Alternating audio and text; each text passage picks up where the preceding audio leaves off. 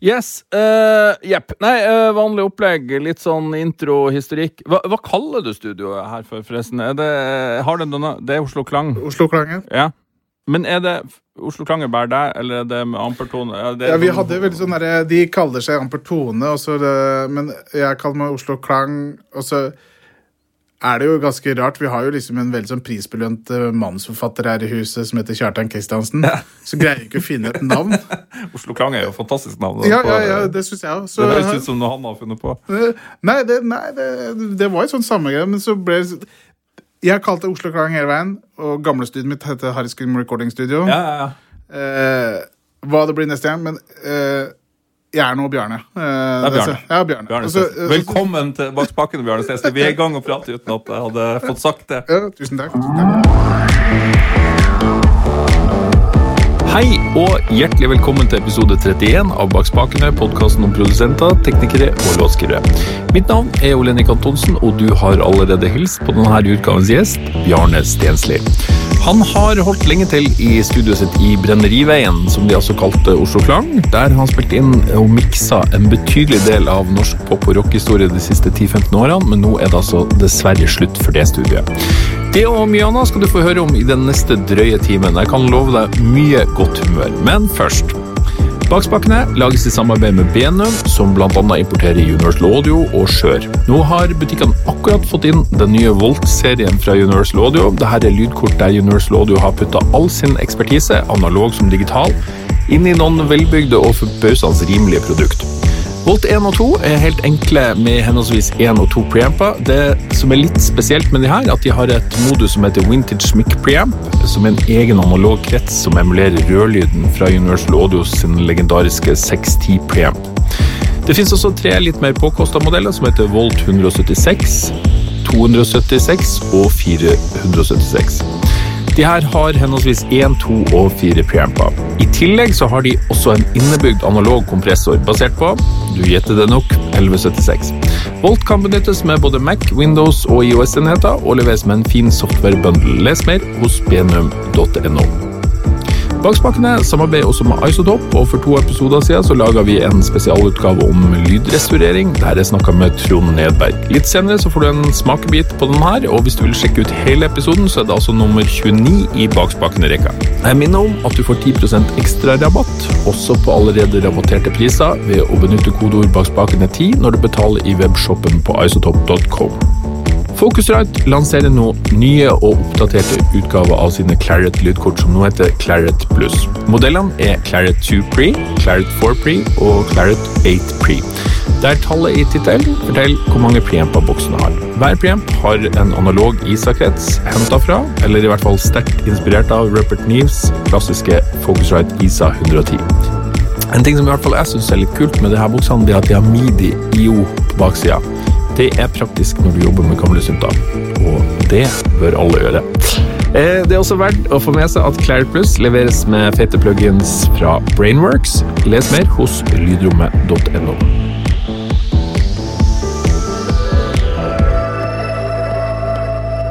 Ja, Bjarne, vi sitter her i et legendarisk studio der du faktisk er i ferd med å pakke sammen. Det er det. Det er rart. Det er kjipt. Ja, det er veldig kjipt. Jeg har så hatt et fantastisk år her. Ja. Et fantastisk miljø. Gjort veldig mye kule ting. Ja. Masse Sivert Høyum. Eh, jeg har gjort eh, tre Sivert Høyum-plater, to EP-er. To Jarle Bernhoft-plater. Eh, pågående a-ha-plate. Eh, eh, og ja eh, Jeg har sikkert gjort eh, 50-60 singler for Warner. Eh, Fay vil lage en. eh, Christian Christensen. Masse av de nye. Masse Emma Stenbakken har miksa Så jeg har miksa vanvittig mye her. Eh, og spilt inn, ja. Mm. ja. Og, Da ble jeg helt rørt. Ja, jeg blir Det er bra. Litt følelse av Voksne menn snakker, snakker ut. Ja. Men hva, hva er grunnen til at du skal flytte herfra? Nei, bygget er solgt, øh, og øh, det råtner jo på rot, det Ja. bygget. Ja. Så vi Det, det var varsla for mange år siden, det her. Ja, jeg har hørt rykter Ja. før. eh, Så eh, Og jeg kom jo inn her vi, altså, Du bare kan tenke deg Vi la, vi la jo ikke opp kattkabler her. Nei. Nå er det ti år siden. Ja. Så nå er det jo vært altså, Verden har forandra seg helt i musikkverdenen, hvis du kan tenke litt sånn på det. Mm. Nå hadde det vært helt utenkelig å, å lage den her studiestrukturen som vi har her nå, på den måten. Eh, Eller liksom på en måte Det kontrollrommet hadde vært større enn innspillingsrommet. Mm. Ja, det er noe med det. Ja. Eh, vi skal komme litt mer tilbake til studio etter hvert, men som vanlig i Bakspakene så må vi, eh, vi må litt tilbake i historien. Mm. hvor, eh, hvor vokste du opp, og hvordan rota du deg inn i musikkbransjen? Jeg vokste opp i Brumunddal. Brumunddal, ja. Ja, ja. Eh, Nei, hvordan jeg kom inn i musikkverdenen, det var jo eh, Det var jo det andre der med fotball og ski. Der eh, blant var det jo eh, noen som digga Queen. Ja, selvsagt. Ja. Og så de, eh, Det var virkelig Det var en opplevelse i seg selv å høre Queen. Og så den konserten som var minnekonserten til Freddie Mercury. Ja. Den ble tatt opp på VHS av en kompis av min bror. Den, altså det var Det er på en måte Jeg kan hvert sekund. Ja. Og det var så, kan, det var så dårlig forhold fra England over, over eteren. Så det var sånn skurresignaler. Ja. Jeg vet akkurat hvor det skurrer hver gang. jeg har sett den så mye. ja. Så der, eh, Og alle du kan ta, ta den bandrekka, artistrekka der, da, det er på en måte et fundament da, ja. av, eh, av artister man har vokst opp med. Og, men Queen er det som står sterkest, altså. Og det, og det er ikke tull engang. Det, det kommer gjennom et type fotballmiljø da, Ja. der, jeg, der jeg vokste opp. Eh, Jeg tror Queen står så godt i, i sports. Jeg har to gutter som spiller hockey, og det, vi, er, vi er Ja. ofte Det er, ja, men det er, det er, det er, det er egentlig det, Hvis du skal ta det helt sånn down to the core, hvor det kommer liksom fra Ja. Men så ble jeg jo sånn introdusert til å, eh, å spille i korps. Spille trommer i korps. Deriblant blant, Der eh, kom man, eh, møtte man andre musikere, så til slutt så hadde vi et band eh, i Brumunddal der. Så delte vi øvingslokalet med et band som heter Jack in the Box, som senere ble Autopulver. Og derfra eh, Det var jo en del metallband der, altså forskjellige sånne type Fimbulvinter, som senere ble Dimenborger, var jo der. Ja. Eh, altså han Stian. Så det, det, har, det har vært et Det er liksom på en måte helt, helt, uh, helt til starten. Ja. Men så ble det sånn at vi eh, holdt jo på med på Ham, til Hamar og hang rundt en som heter Henning Ramseth, som var liksom sånn kjernefyr som hadde spille gitar i Return og sånn, som spilte inn alle band. Og allerede da syns jeg tracking, det han gjorde, var mer spennende egentlig enn det han spilte og spille trommer. Ja. Jeg, kan, jeg kan huske det veldig klart akkurat det jeg tenker på hva om jeg snur det slaget.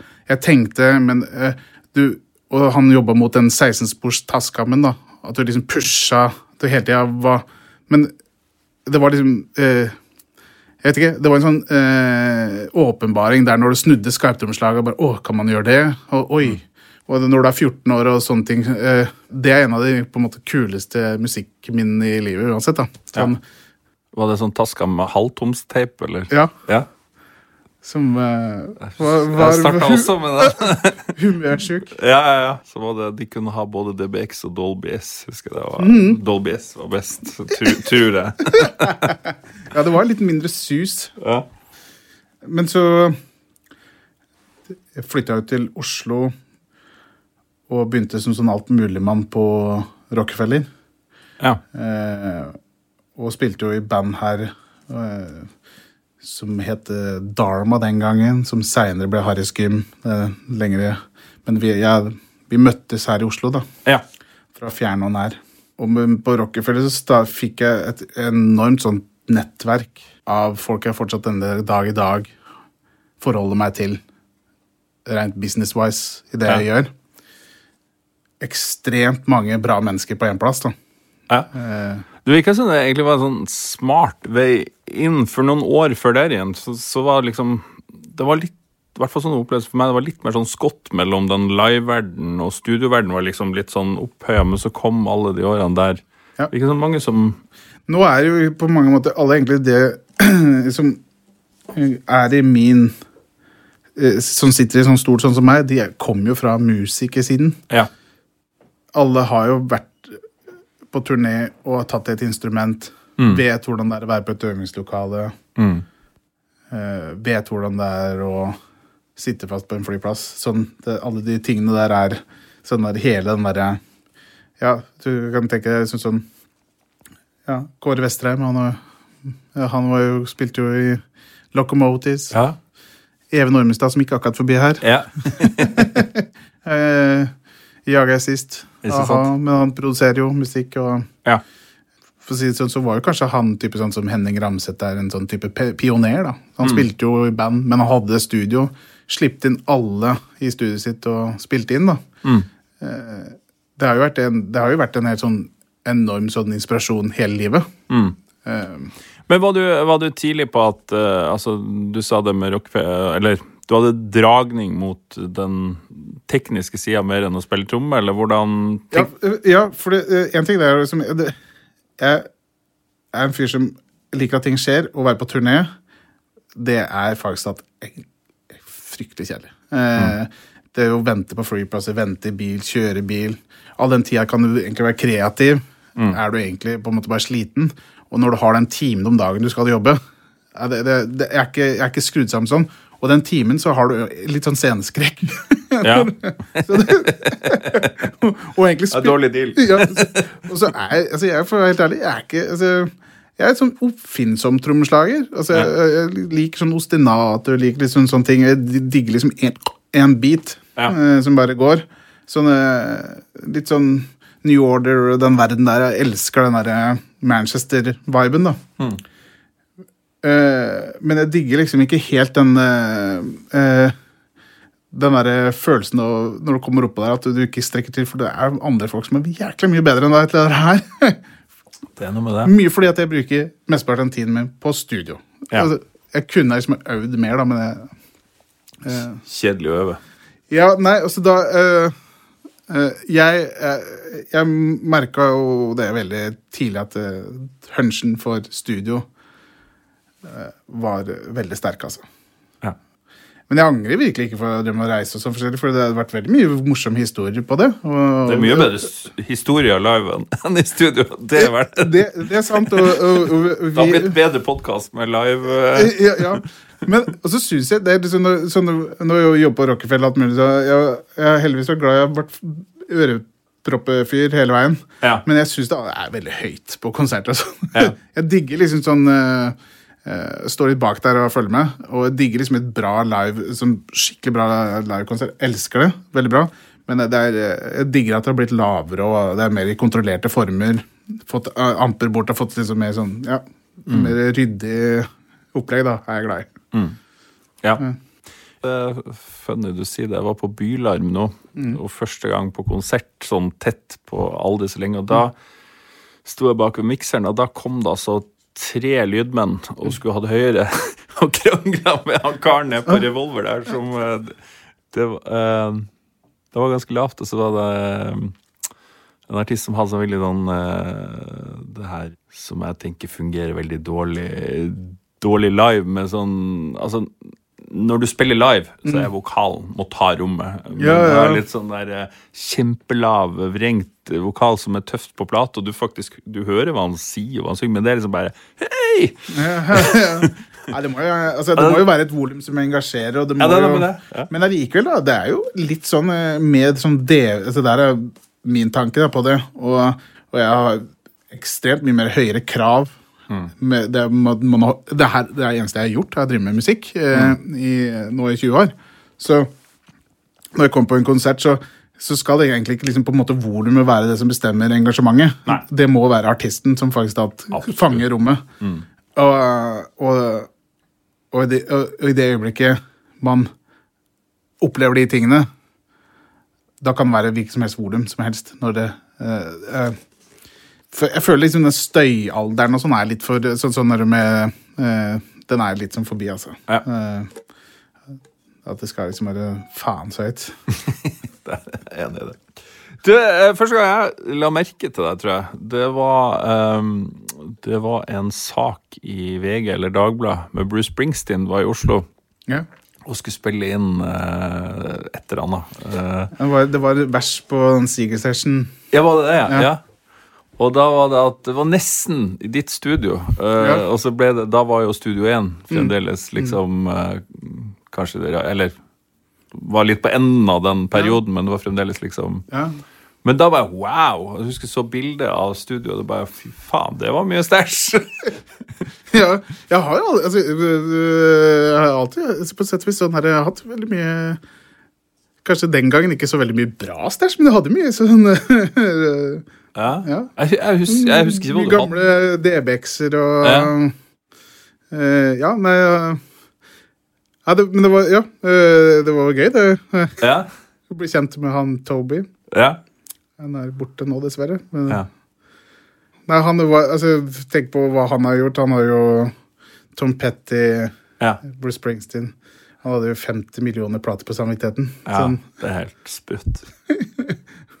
og veldig lugn. Og i veska så lå det en M-box 2. Og så var det veldig funny når han tok den M-box 2-en og så la den opp på, disk, eh, på den benken der. Så, så sier han at hey, Bruce han klager litt på Han syns han hører seg sett tilbake litt seinere. Og det var den blå, den kjipe Ja. ja. Ja, du må mute. Du må mute, mute bak, og så må du gi på bord. Ah, så altså, du, du må, Det er rett og slett den gangen du måtte mute i session. Ja, så hadde du måttet dra Måtte lytte igjen. Ja, Ja, for det var ikke Og det, det var helt altså Det er ganske så vanvittig å tenke på han fyren der. Hadde, for det var det de skulle bruke, den M-boksen, til en laptop. Det var var det de skulle ja, studiet. hadde mikro, altså, Ja. Han hadde mikk og alt med seg. Ja. Så han trengte bare et sted som, eh, til å gjøre det. Mm. Sånn jeg husker det. Eh, Så de ledes inn i Studio 1 for å bruke en M-boks 2. ja, men altså, det var, det, det var eh, For jeg, jeg fikk jo møte Toby seinere. Ja. For jeg gikk jo med han rundt, rundt i Oslo og sånn. Og, uh, han var jo en helt fantastisk uh, fyr. Han Vi snakka jo egentlig ganske lite om egentlig studioverdenen. Han var mer opptatt av sånn laksefisk og Mm. de der tingene der. Vi snakka mye om sånne ting. Husker jeg. jeg, det var veldig rart. Altså, jeg, gammel var jeg da? 2-23? Det gikk og han, Hadde du noe Nei, nei, jeg, jeg, bare, jeg husker jeg ringte litt rundt og bare spurte er det noe For jeg visste jo visste ikke om noe Nei. Så han var veldig nysgjerrig på sånn friluftsting i Norge og sånn. Ja. Hvor gammel var han da? Si det? Slutten av 50-åra? Ja. Jeg hadde jo han eh, Han eh, gitarfar i han, eh, Little Steven? Ja, han var jo her. Ja. Eh, da spurte jeg om han eh, Abid, da, og da fortalte han at han hadde blitt borte. Så Ja. var det sånn hadde, hadde litt, Det virka som han var litt sånn brydd når jeg spurte. Sånn, Ja. Så da gadd jeg liksom ikke gå inn på det. Nei. Veldig kul. Ja. De er ofte det, de der eh, gamle gutta. Gjennom denne sesongen av Bakspakene så har jeg snakka en del om Skjør MV7, som er en mikrofon med innebygd lydkort som kan kobles rett i datamaskin og mobile enheter ved hjelp av USB. MV7 har imidlertid også vanlig XLR ut, og står veldig godt på egne bein som en ren mikrofon, hvis vi kan kalle det det. Derfor så har Skjør nå laga MV7X, der X står for XLR. Dette er altså kun mikrofondelen av MV7. MV7X er en dynamisk mikrofon, særlig retta inn mot podkastmarkedet, men den er veldig fin å ha i arsenalet også til andre ting. Les mer hos benum.no. Hva fikk deg skikkelig i gang? Nei, altså, vet du, en ting? Eh, eh, så hadde vi øvingslokale i det som var gamle Harry Skim Recording Studio. Det var egentlig øvingslokalet vårt lite. Så leie, eh, hadde jeg laget det rommet som jeg hadde alt det stæsj i. eh, jeg kjøpt, eh, Jeg husker veldig godt jeg med bandbilen dro til Benum, kjøpte mitt første HD-system. Ja. Og så ble, hadde jeg møte på bakrommet med Bjarte Jørgensen og eh, Hernes. eh, Ronald. Ronald. Ja, ja. Og Ronald sitter bare litt sånn, litt sånn bekymra. Har du råd til det her nå, Bjarne? Altså, ja, altså, det her skal jeg ha. Ja, greit. Så eh, pakka de opp pappesker og så litt sånn stakkars nå. Uh, satte opp uh, utstyret, tuta gikk, og så Hei, shit, litt blakket. Så måtte jeg leie ut uh, halve studioet til eh, lagring til CC Cowboys. ja. Og hver gang CC Cowboys kommer ut og inn med stæsj, så ser jo Jørn Christensen at eh, jeg sitter der og sitter der, og plutselig en dag sitter Jørn Christensen i rommet mitt, og jeg, jeg har jo helt makka at han sitter i kontrollrommet mitt. og han er jo eh, Derfra så kom eh, det masse tips hvordan du skulle gjøre ting.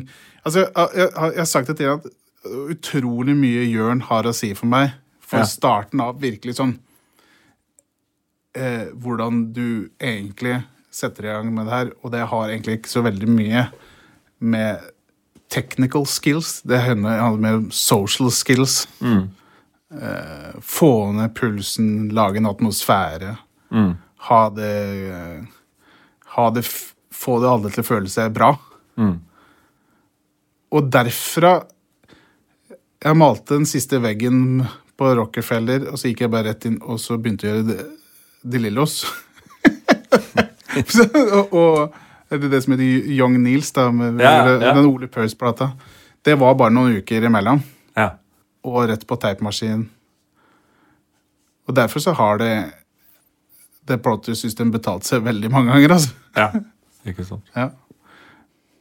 Og det er litt sånn Apropos Apropos vi skal komme på sånn gear-ting, da, og det Jørn eh, sa, da, som har alltid vært litt sånn Man kunne sitte her og så tenk om jeg hadde liksom nå bare hatt en API så, så, Da ville livet da hadde det blitt så, så sånn Ja, men du har jo det her. Du må jo lære deg altså, Du må jo bare vite hva du har, og kan å bruke det. Mm.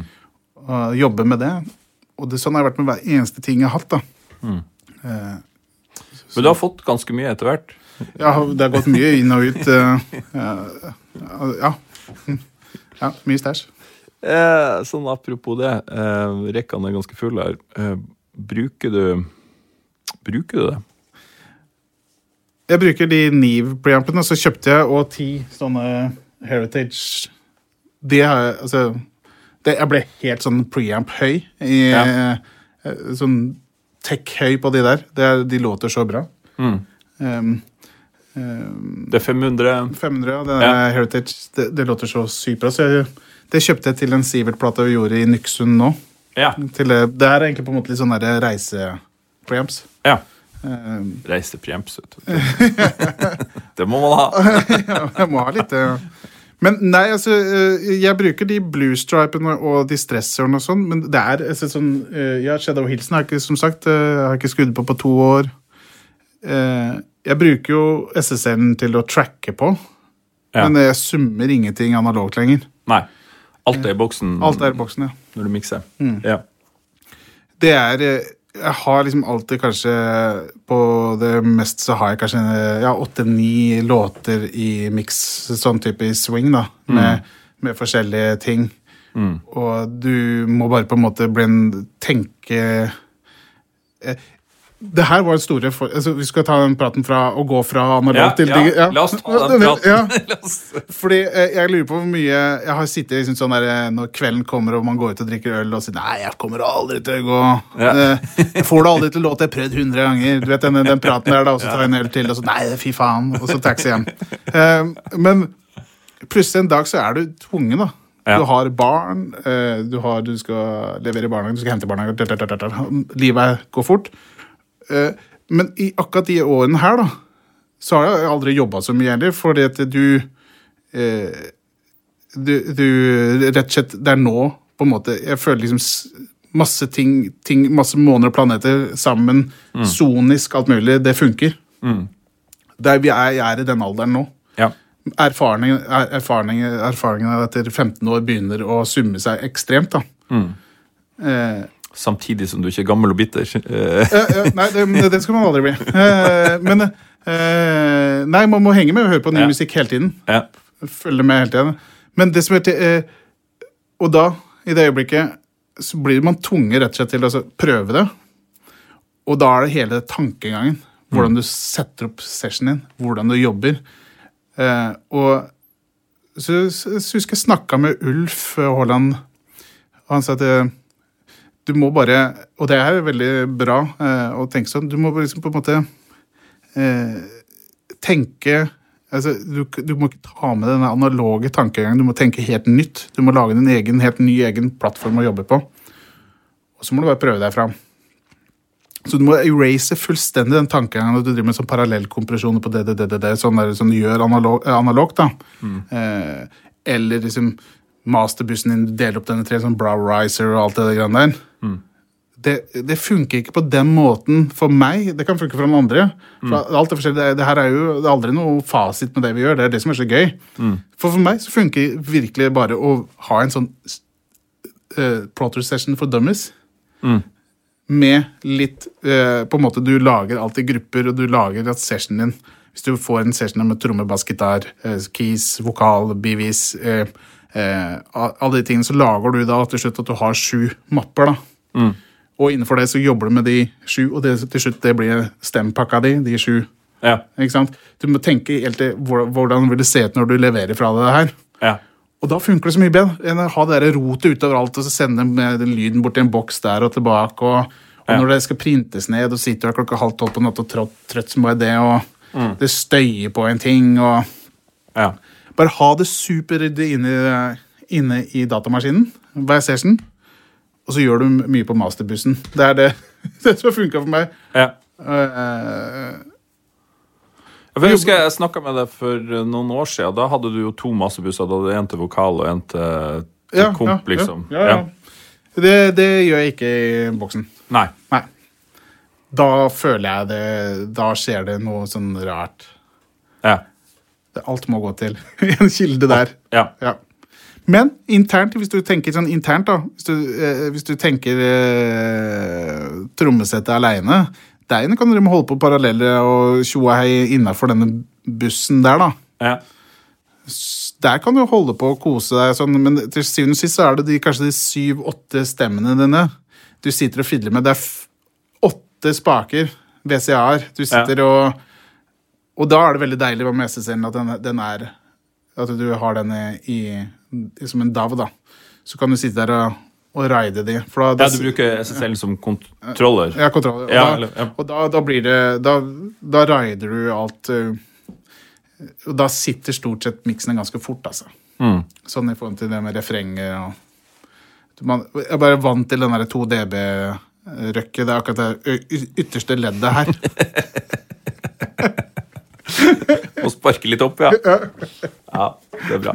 Men har du eh, Nå starta vi egentlig rett å snakke om miksing, så vi kan holde oss på det, men du, du gjør jo andre ting òg. Men, men hvordan er arbeidsflyten din typisk når du mikser? Altså hvis det sitter at det er noe som du ikke har spilt inn sjøl, da. Eh, hvis du får inn en, eh, en sang, eller et album for den saks skyld, som skal mikses, hvordan angriper du det? Nei, altså, det er forskjellig fra produsent til produsent og artist til så, sånn, hva man får av, da.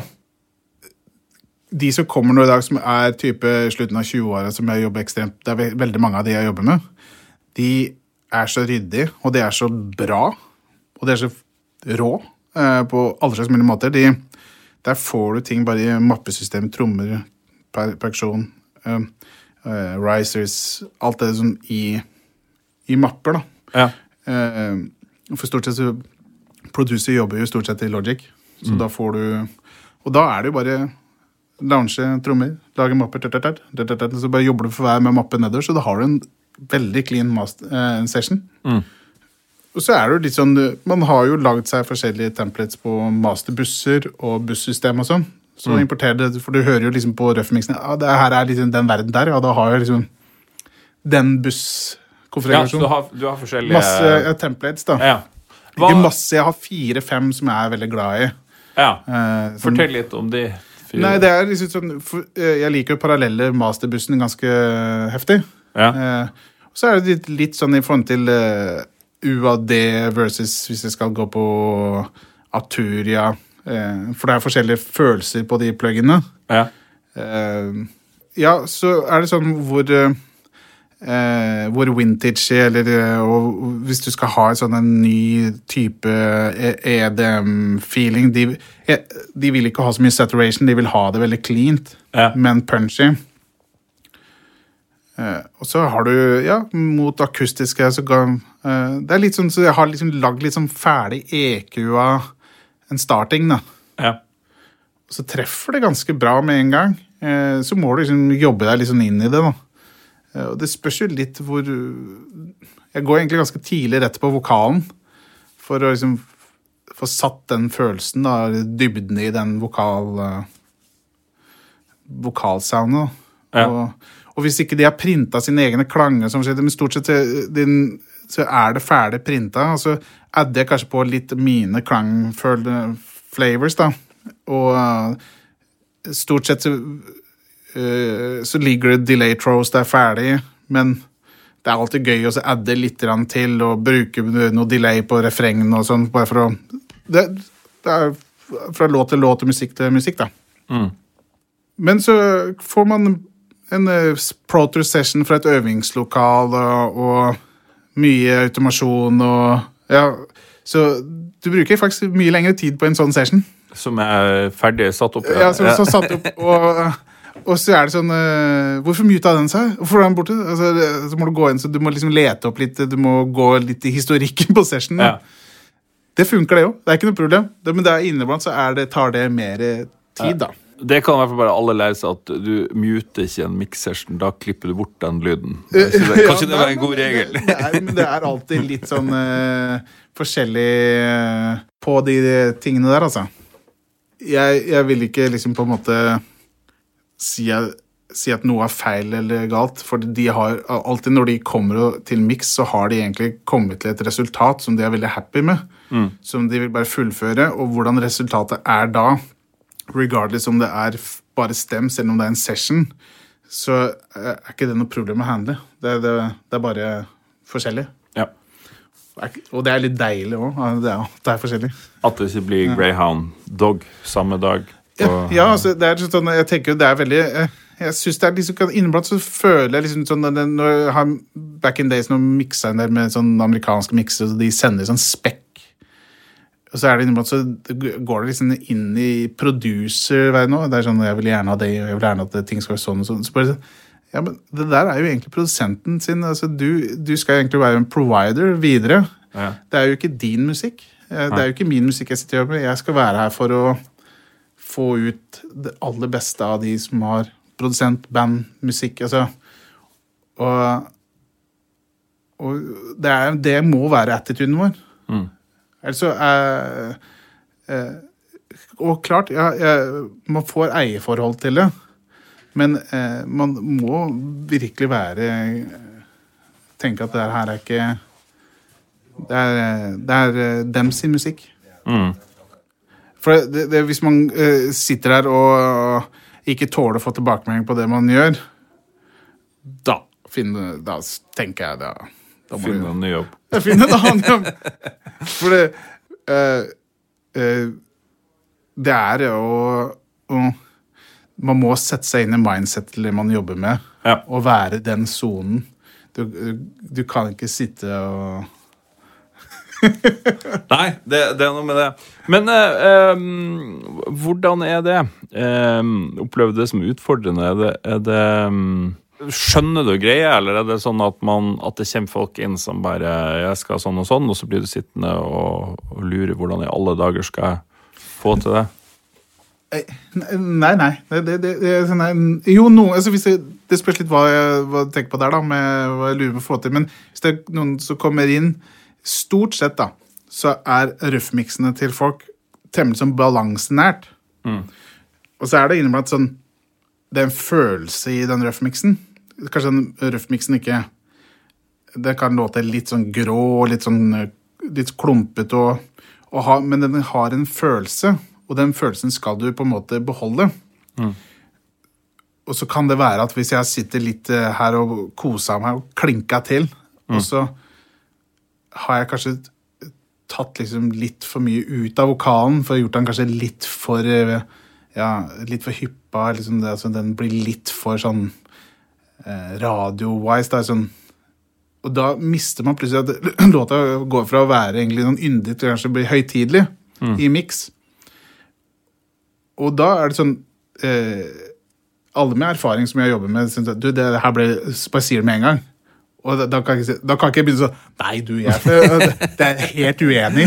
så, så, altså, for, for, det er bare sånn, så da hører man tilbake Ja, faen, du har helt rett. Altså, gå og ta en kaffe, og så prøver jeg litt uh, til her. Ja. Uh, så det er veldig det, det er i hvert fall en sånn type sånn uh, svakhet kanskje jeg har innimellom. At jeg liksom på en måte vil at det skal låte sånn Sånn eh, stort og fint, flott, sånn bling, bling. Eh, og så kanskje skal det være litt sånn yndig, da.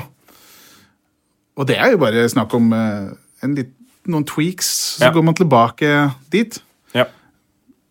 Ikke sant? Men altså må man da, da må man ha, når, det, når du liksom eh, viser fram det her, så eh, må man ha full respekt for at det eh, Det er alltid rart å være i den stolen man sitter i studio, for selv om man jobber med a-ha, eller om man jobber med noen som har akkurat liksom starta med sangmusikk, så er de helt like på det at når de er her, så er, er alle guards nede. de- er dritnervøse for hva man egentlig holder på med. For hvordan folk vil føle ved det de hører. Hva de, hvordan vil folk reagere på det her. Eh, Så reaksjonene er så like i studio, den, der- den eh, psykologien. Men når du kommer på scenen, så er det helt annet. Sånn, høy! Så- og det er alltid så gøy, for jeg er jo vant til at uh, det er her kunsten lages. Det er her det er liksom blotta. da. Ja. Det er, jeg, jeg er ikke en sånn fyr som tar bilde av de når det er her, og legger ut på Facebook, for det her er mer privat. For det her er superprivat. Det er sånn jeg tenker med, med studio. Der, eh, jeg vil aldri finne på å ta en selfie med meg og de jeg jobber med, og legge ut på Facebook. Nei. For det, det er å avblotte de. Det er uproft, føler jeg. Sånn. Eh, eh, f- for det her er liksom litt sånn eh, den Det er her de liksom på en måte kanskje er den eh, perioden de går Ikke liksom på en måte jogger hardest, og det er liksom Kanskje det er verdt liksom det, det, det, er, Her kan artister være rufsete da, eh, i den perioden. Og så når de er ferdige her, så to etterpå. på gymmen. Ja. Utleie. Harrys gym. Ja, ja, men altså, du skjønner hva jeg mener? Ja, det, er, eh, det, er, eh, det, er her, det er her på en måte For det, skal, det er mye følelse i sving, da. Mm. Du har jobba med veldig mange forskjellige stilarter. Sånn. Har du noen favoritter der? Hva liker du best å jobbe med? Altså, Jeg er jo en pop Pop øh, Men det, det er jo alltid er jo det, Når det er litt mørkt, da. Eh, på, så, jeg er jo glad i sånn synthpop, dark. Jeg er jo veldig glad i denne Manchester-viben. Eh, det må helst si sånn der, det, det blir moments, da, når man holder på. Det er eh, Når det er sånn Du har hele studiet fullt av musikere. Det er, det er sånn ro over det. Det er ingen som skal noe. Eh, og man driver, driver med bare sånn Det er en bra atmosfære, og alle er liksom sånn sammen. Og det er eh, Det er bra musikk, det jeg driver med. Mm. Og det er helt uslåelig, altså. Ja. Jeg, lik, jeg, jeg, jeg, liker det. Uh, å tracke, tracke som store ting. eh, Ja. La, la oss snakke litt om tracking. Vi har snakka miksing, men du, du har jo også spilt inn veldig mye her, da. ja absolutt. Um, hvordan um, går du fram da? Hva gjør du? Nei, altså, det, det er liksom hvilken rolle har jeg? Ja. Uh, og jeg kan bruke et veldig nærliggende eksempel som jeg, jeg, som jeg har jobba mest med hele verden, Uh, og tracka mest i hele verden. Vi, jeg vil bruke Sivert. Ja. Og hvordan man jobber med Sivert, da, for eksempel. Det er, det er lagd en veldig bra demo. Da, for da, nå snakker vi, Der er det veldig mye følelser i den demoen. Han, kjem, han gjør det sjøl, eller? Ja, det er han og Christer. Han, eller, Ja. han har jobbet med Cato tidligere og sånn. Ja. Så de har laget en demo. Så kommer de, så hører vi på det. Og så kommer hele bandet inn. Så er det ikke gjenskape den følelsen. Du, du, du, skal for, forsterke den følelsen, kanskje. Men da, da starter dere på scratch? Dere bruker ingenting av den, eller hvordan? Det har skjedd kanskje to ganger. Ja. Av eh, kanskje 100 låter vi har gjort, da. ja. Men så jobber man med tromme men Da lager man et trommesound. Da skrur man det trommesoundet det blir. Før, før dere begynner å spille inn? Eller? Ja, ja, så, så for eksempel, da, hvis det er sinnssykt mye slapback på de trommene, så er det sinnssykt mye slapback i lyttinga. Ja. Og hvis det er sinnssykt mye slapback på vokalen, og alt mulig sånn, så er det er helt Det er eh, full fest i headsetet. da. ja. Og akkurat for Sivert funker det. Eller den, den, eh, den gjengen, eller de musikere. Ja. De er så, det er så mye overskudd da, ja. i de musikere. Så funker det. Det er én regel. Men det her er, det du spør om, det er egentlig det er tusen måter å gjøre det på. ja. For andre så må det være helt sånn cleant. Ingen uh, lytting Lyttingen må være helt perfekt. Uh, og trommene må spilles inn helt sånn flatt. Og så ta det seinere. Det er approachen. ja. I Jarle-verden, da, der er det hvor, hvor cleant kan vi få det inn? Ja. Hvor badass kan vi få nærmikkene til å låte? Ja. Eh, Det er ikke så mye sånn romprat. Nei. det vil jeg tro. Det er bare sånn Hoho! Den kicken, den satt.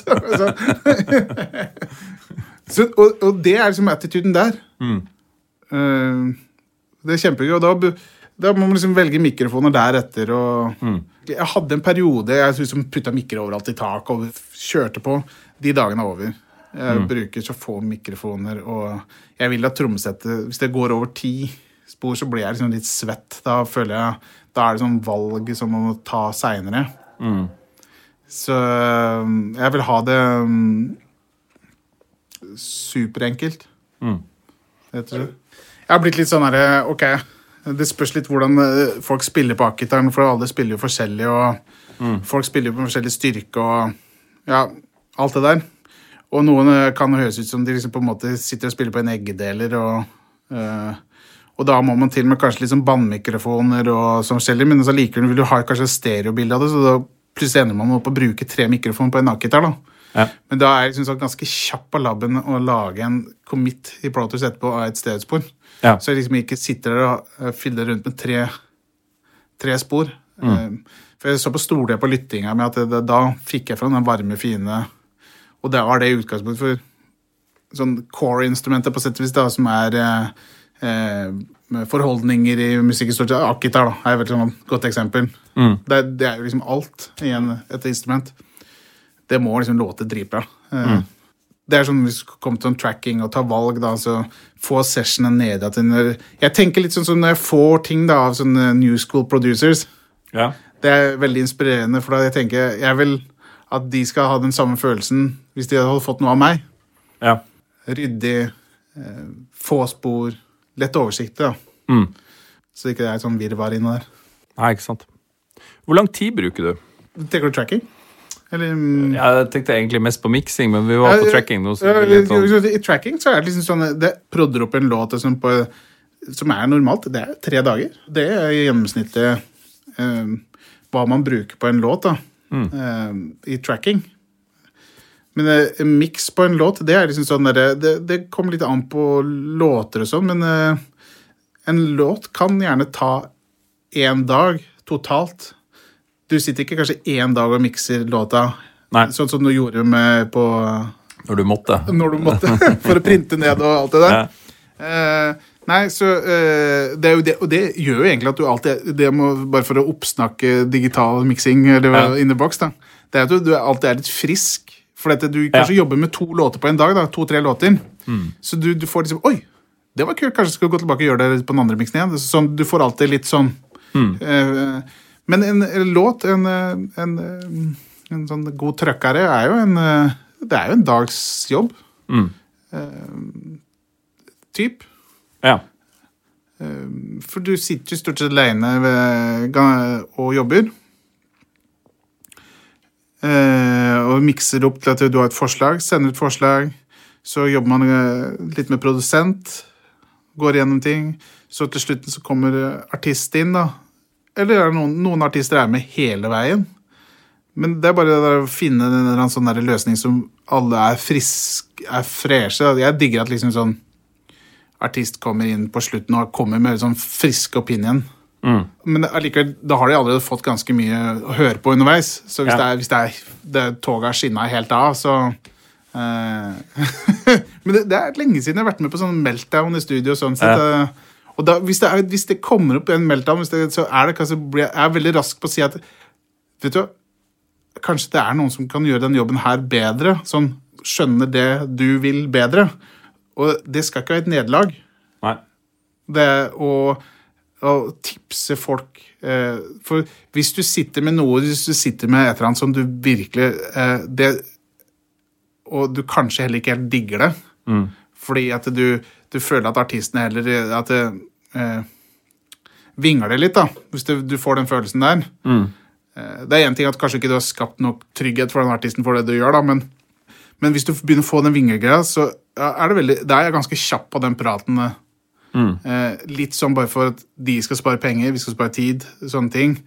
Eh, kanskje det fins noen andre som vil gjøre det her eh, Og da, og da det, det skjedde, og det, det, er, det er lenge siden nå. For stort sett nå er har, har jeg liksom jobba med Nei, det er lenge siden det har skjedd, da. Ja. Men eh, det, er- det er i det Så det er jeg- kanskje betryggende i seg sjøl å ta den praten for de som begynner å vingle. At, Ja, ja, ja. eh, For det, det, det inneblant så er det sånn eh, Hvis det begynner å vingle sånn, så er det sånn at du har gått litt, ja, sånn type, Hvis du har gått til et annet sted, så er de drithappy der, men da kommer de tilbake for å gjøre, bruke deg på det du er bra for de på. Hvis du skjønner? ja. Du, du, du I stedet for at du har sagt at 'nei, fy fader, det her funka ikke', det her ble bare Så kanskje da låser du den personen ute fra deg, eller den artisten. Så det er bedre at du hjelper dem videre til å komme til rett sted, da. Mm. Det er jævlig viktig å tenke på alle som gjør akkurat det samme som jeg gjør. Som kompiser, venner, som samarbeidspartnere, ikke som konkurrenter. Mm. Det er dritviktig. For vi er her for samme grunn, og vi vil det samme, men vi alle er forskjellige. Og det er en styrke, da. Det er, drit, det er dritviktig. Eh, og, så- og du kan ikke gå inn her og tro at du er verdensmester, og det du gjør, er verdens beste ting. Og, da, eh, og, det, og du hører på hva andre gjør eh, rundt deg, er dritviktig. For da kan du òg lære hvilken styrker de har. For akkurat hvis det her skjer da, at du sitter her og plutselig begynner artisten ah, du, Det funker ikke helt for meg. Så er det, ja, hva, da kanskje du skulle gått dit? Da. Kanskje du skulle vært hos Mike, da. Og han får til akkurat det der. La oss prøve det, og så funker det, så blir det så deilig følelse.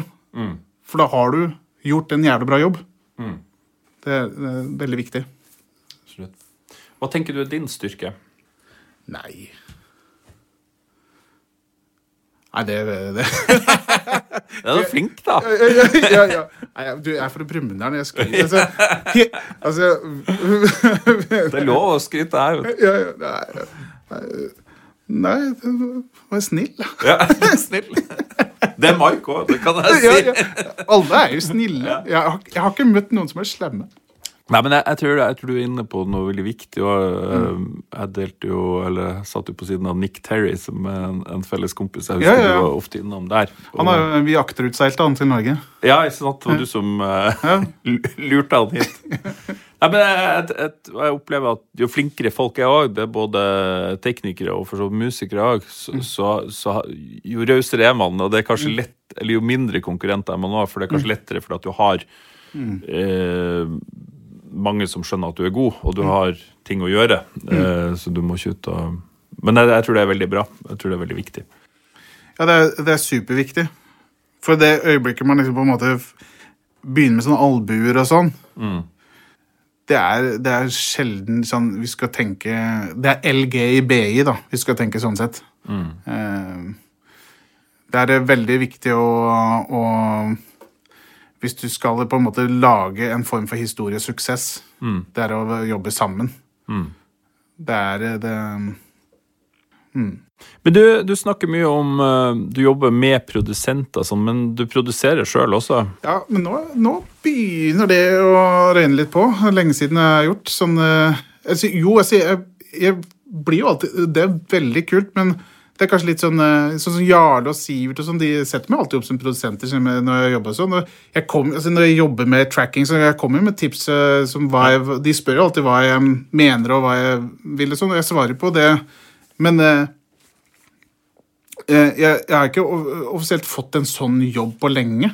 Sånn der, kunne kunne, jo, altså jeg og Jarle vi produserte sammen en barneplate med eh, Hei Kalas. Det var ja. kjempegøy. Ja. Det ble kanskje litt sånn for, mer for ungdom. Eller egentlig for pappaer og mammaer. ja, det er de beste. Dussen og Ludvigsen. Du traff begge, da.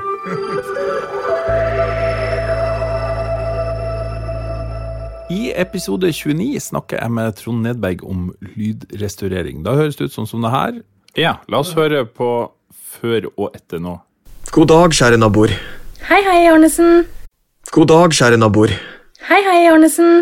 Det funker, det, altså. Det funker, det. det. Hvis du hører, så er det jo enda litt sus baki. Og hvis jeg tok bort enda mer, så går det for mye utover dialogen. Ja. Men det man da kan gjøre, er jo å bruke eh, det som heter et noise print. Ja. Hva er egentlig det? Hvis du vil høre mer om noise print og lydrestaurering, så må du sjekke ut episode 29.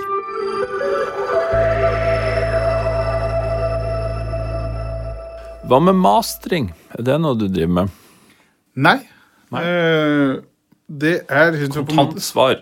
det er et annet ansvar. Det er liksom sånn, da føler jeg liksom litt sånn uh, uh, det er såpass eget og og du, det er sånn egen sånn musical skills over det. Mm. Fordi Skal jeg forklare det her, da? Det er uh, De gangene folk sier at Nei, jeg hører ikke forskjell når det blir master og sånn. Uh, så blir man liksom sånn Ja, nei, jeg, jeg hører mye, og det er liksom uh, det, det, samler seg, og du, du, så på en måte Jeg føler litt, litt inniblant det, det er sånn grading i film, da. Den derre Du samler bildet. Du lager Nå er det tydelig hva du hører på. Ja. Eh, du liksom får satt vokalen helt magisk på plass, da. Georg Tandrud er jo helt magisk på det. Ja. Det er sånn når du eh, Nei, det er eh, Det syns jeg er helt eh, rått. Ja. Eh, så har det blitt så, bra med de nye livsreglene og ja. Jeg er litt sånn spent på den masteringgreia, hvordan det blir med Dolby Atmos-verdenen. Ja. Der, der, har jeg litt sånn derre Det blir ikke så mye analoge dimpedukser da? Eller sånn derre dippedutter, mener jeg. Nei. Du, du snakka litt om det før vi starta, Dolby Atmos. Mm. Fordi du skal ut av det rommet du sitter i nå, ja. og så skal du inn et eller annet hemmelig sted. Ja, ja. Eller? Det blir eh, i hvert fall uh, Det blir uh, Atmos Ready, det jeg skal bygge. Uh, og jeg kommer nok liksom i Jeg tenker nok helt til slutten av 2022 så skal jeg ha Dolby Atmos med realtime rending oppe og gå. Ja da, men allikevel så er det litt sånn jeg, jeg, følger veldig med på det akkurat nå, og litt sånn businessen i det, da. For ja, jeg kan bygge det rommet og synes det er dritkult, men ja, det må jo tjene inn igjen pengene. Og, ja. og, Du er litt på Ronald Hernes. Har du råd til det her nå? Nei. Nei, nå er det uh, Johannes, han, Johannes på Prolid. Han, ja, okay. han, har gått BI, vet du. han, han, kan selge en gråstein. Ja. Uh, han er veldig morsom, da. Uh, bra. bra. Ja. de skal jo bygge et rom der oppe, jeg gleder meg til å høre. Og, ja. så. Men ja, det skal. Det rommet bygger på spekk. Men gjennom året nå så kommer jeg til å, å følge det veldig opp. Men allikevel så har jo Apple sagt hopp, ja. og de er de største. Ja. Så det er jo egentlig ikke noe spørsmål. Uh, vannet renner i den retningen uh, når headset ble bygd nå. Mm. Det er vel nøkkelen. eh, At, de, at folk går med de headsetene, tror jeg. Altså, som, er det ikke det? Jo. Og det Nå hvis Si uh, neste generasjon iPhone blir levert med Dolby Atmos headset, Ja. da er det da er det, det man gjør. Mm. Da tror jeg det er, det er ikke noe spørsmål. Det er bare litt sånn eh, hvordan uh, kvadratmeter Og det er her som er litt Derfor jeg står og vingler litt, må ikke fortelle helt hvor det blir. Mm. Det er litt sånn uh, spacen. da. Ja, Du snakka om businessen rundt det. Hva, hva, hva sier plateselskapene og, og kundene dine, altså artister? Hva, hva, har du sjekka litt rundt? Jeg har sjekka litt rundt, og jeg ringte faktisk på en dag rundt til alle de tre store og snakka litt med hver enkelt av de. Og får følelsen av at det er litt sånn spørsmål Litt uh, uh, De er jo nysgjerrige på hva det vil koste for de, i det øyeblikket artister vil ha det. Og det er, er jo sånn at eh, jeg kan ikke nok om Dolby Atmos nå foreløpig at jeg kan sitte nå og mikse en låt i stereo, og så kan jeg flippe det over i Dolby Atmos og liksom adde den følelsen, da. For det, det, det blir er jævlig teit å drive med bare sånne helikoptereffekter og klanger i taket og Du må liksom på en måte Du skal jo skape et rom, du skal skape en atmosfære i miksen. Det er det som er greia. Det er de som låter bra. Hvordan skal Jarle Bernhoft være i Han tror jeg blir helt amazing. Ja, ja, hvis det skal være Ja, det blir bra. Ja, eh, ja og, og Sivert og det. Og, eh, Ja, jeg ja, ja. tenkte mer at han hadde Det, det var bare det du sa i stad. Vi snakka ikke så mye om rommet, så, Mm. så men eh, ja. Ja, ja, sånn, ja. ja, ja. Nei, men det, det oh, Nei, for det, da kan du drive med sånn helt sånn uh, Han kan du mikse mer på sånn, sånn type da kan, du, da kan du drive med nesten sånn filmatisk med ting, da. Og Sivert så kan du danne sånn derre churchy oh, stort mm.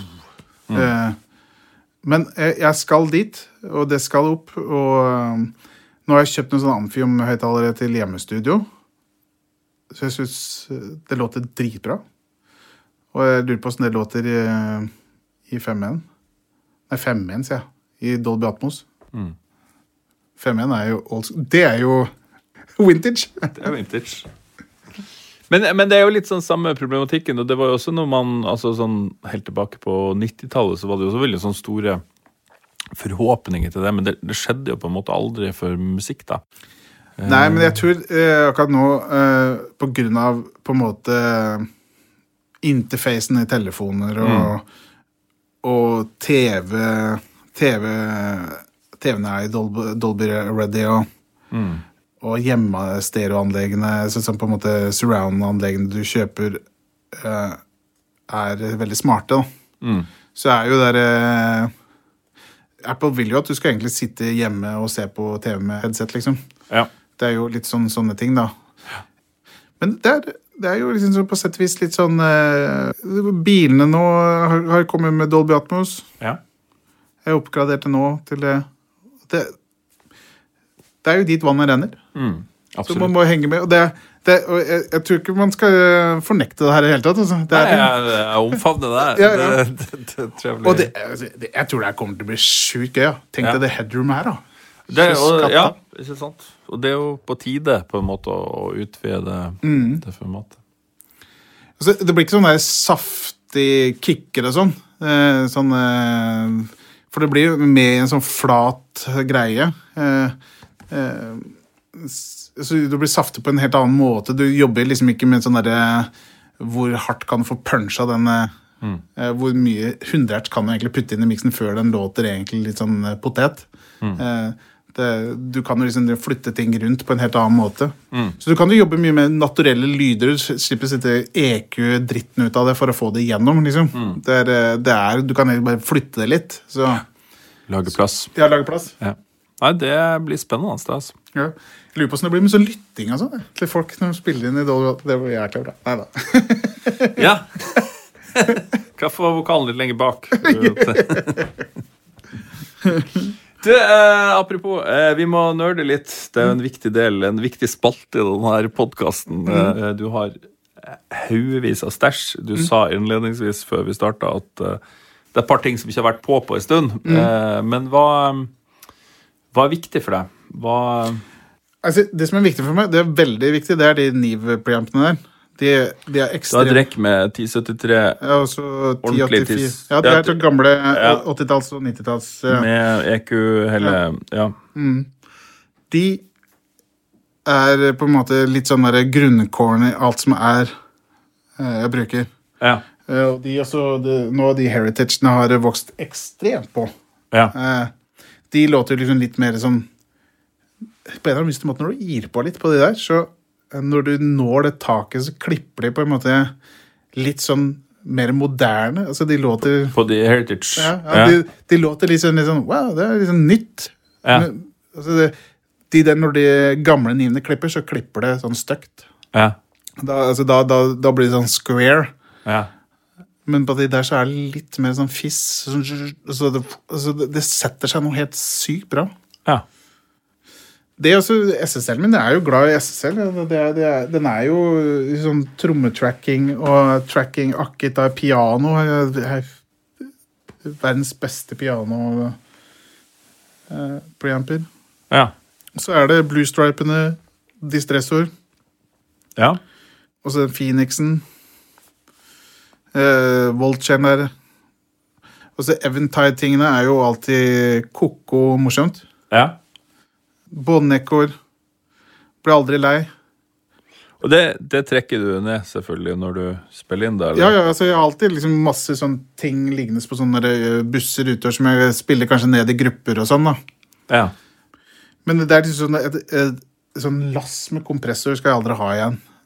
Hvem er det som har alle kompressorene? nå? Jeg synes alle, ja, Nå har jeg solgt så mye kompressorer. Jeg, jeg lurer på hvor det blir hen, da. Ja. Nei, men altså Nei, uh, altså, jeg, jeg vet da søren om jeg skal ha den derre Den derre Shadow Hilsen nå. Den er jeg, jeg vet søren, Den har ikke vært på. Den var jo egentlig, Jeg skulle egentlig kjøpe en harddisk når, øh, på Prolyd. ja.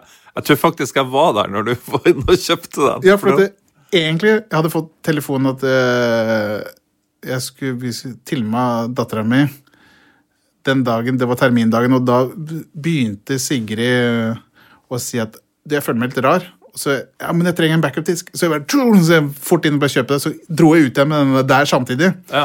Bare faen å vaske. Så når jeg var på Ullevål, så lå jo den bak i bilen. Det gikk jo veldig lang tid. Så jeg ja, Johannes er en god selger, da. Han er har solgt et par ting.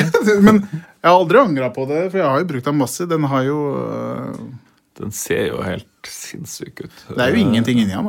Nei, Du kan jo flytte inn det er ikke så farlig. Det ser så bra Men eh, du, du snakka om det du var ute på Du var nettopp ute og rekorda med Sivert oppe i Nyksund. Fantastisk sted i Vesterålen. Eh, den fineste plassen på jord. ja, det det. Er det altså. Ja. Hvor, eh, hva har du med da? Nei, Da hadde jeg med de, eh, altså de seks uh, gamle nivene og så de ti uh, heritagene. Så hadde jeg 16 analoge, og så på det der M3X eh, studiokortet så er det to digitale preamper. Uh, som uh, jeg brukte til Som jeg hadde som fast oppsett på, som jeg hadde oppe stående på et par mikrofoner oppe på et galleri der da, på den kirka. Så jeg alltid hadde litt sånne rom. Ja. Eh, men de preampene er helt fantastiske, de DAD-preampene. Altså, som Ja. er bare det. er superfine. Uh, ja, så hadde jeg jo med par, nei, en distressor, en fatso og mikrofon. Ja. Og datamaskin og lytting. Da, så klart. Eh, ja. Og så brukte jeg to m studiolytting, og Vi har sånn derre Beringer lyttesystem. Som Ja. alle, alle har fått nå. Den Ja. der beste de noen gang har lagd. Jeg tror den, det funker. Det funker. Ja, det funker dritbra. Så det, det hadde det, så de, de kunne lage sine egne mikser og høre på. Men egentlig så har jeg blitt litt sånn nå, Før så var jeg så veldig opptatt av at eh, de skulle få sånn separate lyttinger alle sammen, og alle skulle bestemme det. Men det stort sett så lage én miks, og så høre eh, Når jeg tenker på det, så der oppe så var, var det bare én lytting. Og Ja. Det er jeg som lager lytting til det, det funker best, egentlig, for da spiller liksom folk sammen. da. Ja. Så lytter du på det som du Ja. Eh, hva med plugins? Og det er Ja. Du har et par, vil jeg jeg ja, tro. veldig mye. Ja. Noen favoritter? Uh, ja, det er Isotop er jeg ekstremt glad i. Ja. Det bruker jeg alt fra der uh, RX, uh, Neutron ja, altså, Det er eh, rund baut, da. Ja, med, det bruker jeg hele tida. Det altså UAD. Eh, pluggen der, for eksempel den der 560 API-en der. ja. Den er verdens beste EQ, syns jeg. Sånn, Ja. Hvis du skal ha en farve Den er sånn du bare putter på sporet, så skjer det noe. Så det låter jo liksom ikke sånn som en API-greie, for den låter mye bedre enn den der analoge dingsen. Ja. Eh, det, det spør du meg. Ja. Det, jeg har jo et par sånne eh, gamle Ja. der, der borte. Uh, jeg syns pluggen er mye kulere. Den, den har en eller annen sånn der ringing eh, i, i, i som, Altså, på en måte han duser litt den 5K-verden som og, det, og og er liksom på en måte softer til litt der oppe. På en Ja. sånn litt sånn analog, eh, veldig sånn derre Litt sånn kremete måte. Mm. Og så er det en som har jobba veldig mye, som heter Kim Lillestø, som er en fantastisk flink eh, fyr. Han er interessert meg for det Slate Digital. Han er veldig på det. Ja. Det syns jeg er eh, kult. ja. Bruker det masse. de Slaten, taperen der er dritbra. Men det siste skriket som jeg har fått helt eh, makka og kult her, det er eh, Aturia. Ja, si det. Ja. Det låter jævlig bra. Ja. Jeg, syns liksom sånne der plugins Det er det som jeg synes liksom, Hvis du skal litt sånn politisk for plugins, da Litt sånn der vi skal tenke Plugin politisk. Ja, plugins politisk. Det er litt sånn lei av hvis når du åpner sånn UAD, så må det se ut som sånn gammel dings. Bare for, det, for at liksom sånn derre Folk skal liksom fø, fø, eller kjenne seg igjen, da. For det, det låter ikke sånn det, så, så mye sånn analog stæsj jeg tråkka i livet mitt, så eh, vi skal se, Nå har jeg seks forskjellige NIR-programmer der borte. Alle de seks er forskjellige. Det er en familie der borte. Alle er forskjellige. Ja. Men de har liksom samme DNA. ja. Men de låter forskjellig. Det er, det er Den ene har fregner, og den andre har rødt hår. Altså det, er sånn, det, er, det, er, det er veldig eh, forskjellig. Så du kan liksom ikke på en måte Jeg synes det er veldig sånn det er veldig sånn opp du, det er veldig, du er ganske cocky hvis du sier at «Øh, den låter bedre enn originalen. Men hva er originalen? Disse, Alle U47-mikrofoner sånn, alle, det har vært borti, alle låter forskjellig. For sånn er hardware. Mm. Ferdig snakka. Og hvis du vet hva du skal høre etter, så hører du forskjell. Hvis du ikke vet hva du skal høre etter, så hører du ikke forskjell. Nei. Men plug-in, altså, det som er fint med det, det er egentlig hver gang du skrur og trykker på den, så får du i hvert fall det samme. Det, er, det har ingenting med hvordan er strømmen inn i huset ditt den dagen, for det er outboard gear. Og det er Oslo, liksom på sett og vis. Det er sånn, hvordan, hvordan er strømmen i dag, da? Eh, Os Oslo Klang. eh, ja, ja. Og da er det plutselig, hvis det er en strømdipp eller et eller annet sånt, Ja. så, tar, eh, så kan det være at det ligger en lite spøkelse et eller annet sted. da Ja. som gjør at den dagen er litt vanskelig for gammel stæsj. Men det, det, altså, de dagene føler jeg liksom er Det er så lenge siden jeg har vært der. At jeg driver og leter rundt for å finne eh, sånn feil og sånn. da Altså Arturia-tingene De har liksom analog look og sånn, men det er liksom litt mer hybrid. Du har lagt til liksom flere sånne parametere, så du kan liksom modde det i altså, Jeg er skamdigl, altså. Valhalla og sånn. Jeg elsker altså bare looken på de det, det er sånn pluggen skal se ut. da. Det er sånn der eh, futuristisk eh, look. Sånn Jeg digger det. Ja. det er noe med lesbarhet også. altså sånn der, eh, Når det skal se veldig gammelt ut, og sånt, så, så har det tendens til å bli knotete. det. Ja, så er det, det jeg liker med, med, med Isotope, det er veldig sånn én-til-én eh, fact, da. Med hva du hører etter. Det er ekstremt sånn accurate, det du jobber med. Eh, og hvis du går inn for å sånn, pelle bort ting som du ikke vil ha, så er det så lett å bare gå inn og bruke For det er inneblant sånn når du får opp en eh, Hvis vi går tilbake til litt sånn miksverden, da. Og så er det, jobber du med ting, produsenter og, som er dritgode. Altså, de er sjukt gode. Så får du en røfmix som bare å, svinger meg rundt. Det her, den her, det her er jo veldig bra. Og det er bare kanskje at rett og slett den, Du må bare inn og massere litt grann mm. i eh, ja, sånn rundt der selve pølsa i miksen er, da, rundt 150-200 i den verden der, og får liksom gravd ut det hølet til vokalen så den sitter der det skal være. Og så smoother liksom ting opp. Og så oh, Der satt han. Men det, det er, like, det er veldig, like mye jobb. Men det er bare Du jobber utrolig forsiktig. I det øyeblikket du begynner å dra ned eh, frekvenser, adde, så er du plutselig Da er du langt på et helt annet kontinent, da, på den måten. Der er Isotope helt fantastisk. Bra greier. De sponser bak spakene, bare så det er nett. så bra. Det høres ut som eh, produktplassering, men det er Hvordan skulle du vite? Du, eh, hva med mikrofoner? Er det noe du vil snakke ut om der? Ja, ja, ja. Ja. Jeg digger mikrofoner. jeg, jeg har uh, veldig mange forskjellige. eh, jeg har, uh, jeg har jeg har vært litt sånn på en måte mye vintage i mikrofoner. Ja. Jeg har sykt mye Jeg har skuff full av sånne U87-er og U89-er som er gamle. da. Der er det sånn at jeg liker ikke det når det blir AI. Da Nei. ble det en sånn hypp, hypp Da skjedde det et eller annet med sånn toppfrekvensen. ja. Dere her, som vi snakker i nå, dere, de elsker jeg. For jeg har sånne gamle 52, Ja. sånne rørvarianter av de der. Det er KM184 vi snakker Ja, så jeg har de der rørgreiene. Ja. Men stort sett når jeg bruker de rørgreiene, da gir jeg på den toppen som de her har. Ja. så da så, tenker jeg at jeg kanskje skal selge de. Og jeg har tenkt masse, men så er det sånn, nei, det er jo fett, og folk digger jo rørmikker. Eh, Ja. ja. Eh, Men de, dere her, eh, de bruker jeg på alt. Sånn. Jeg har, noen, jeg har et par sett til òg. Sånn, eh, Ja. De bruker jeg på tammer og alt mulig. ja. Eh, Kick og ja. ja, det, er- ja, ja, så, sånn, du, mye bluff tåler det? ja, De her kan du bare kitte på. Jeg tror jeg har bare tatt én.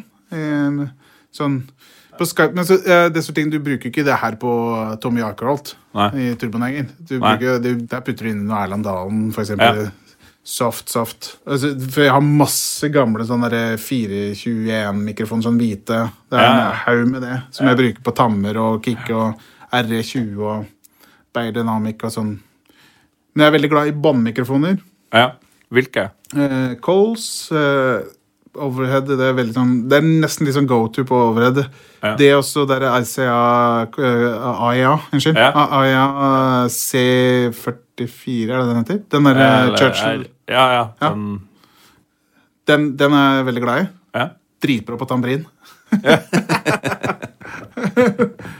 Eh, Royer Plutselig nå er jeg nede i en sånn grop, og jeg syns Royer er litt uh, Er litt for narrow. Altså, jeg synes Det er litt sånn- narrow. Ja, ja, plutselig så er jeg litt sånn uh, Men det er sånn som er veldig kul å putte på Hvis du har en du sitter og Det er veldig bra når du har tracka veldig mye, og så skal du ha på én gitar på toppen, Ja. så er det veldig kult å putte den på For da, den er sånn som veldig sånn plasserer seg veldig fint på toppen. Ja. Uh, nei, men så, så U87-mikrofon digger det. C12 digger jeg. Uh, jeg, bruker, jeg er veldig glad i den derre U87 fett.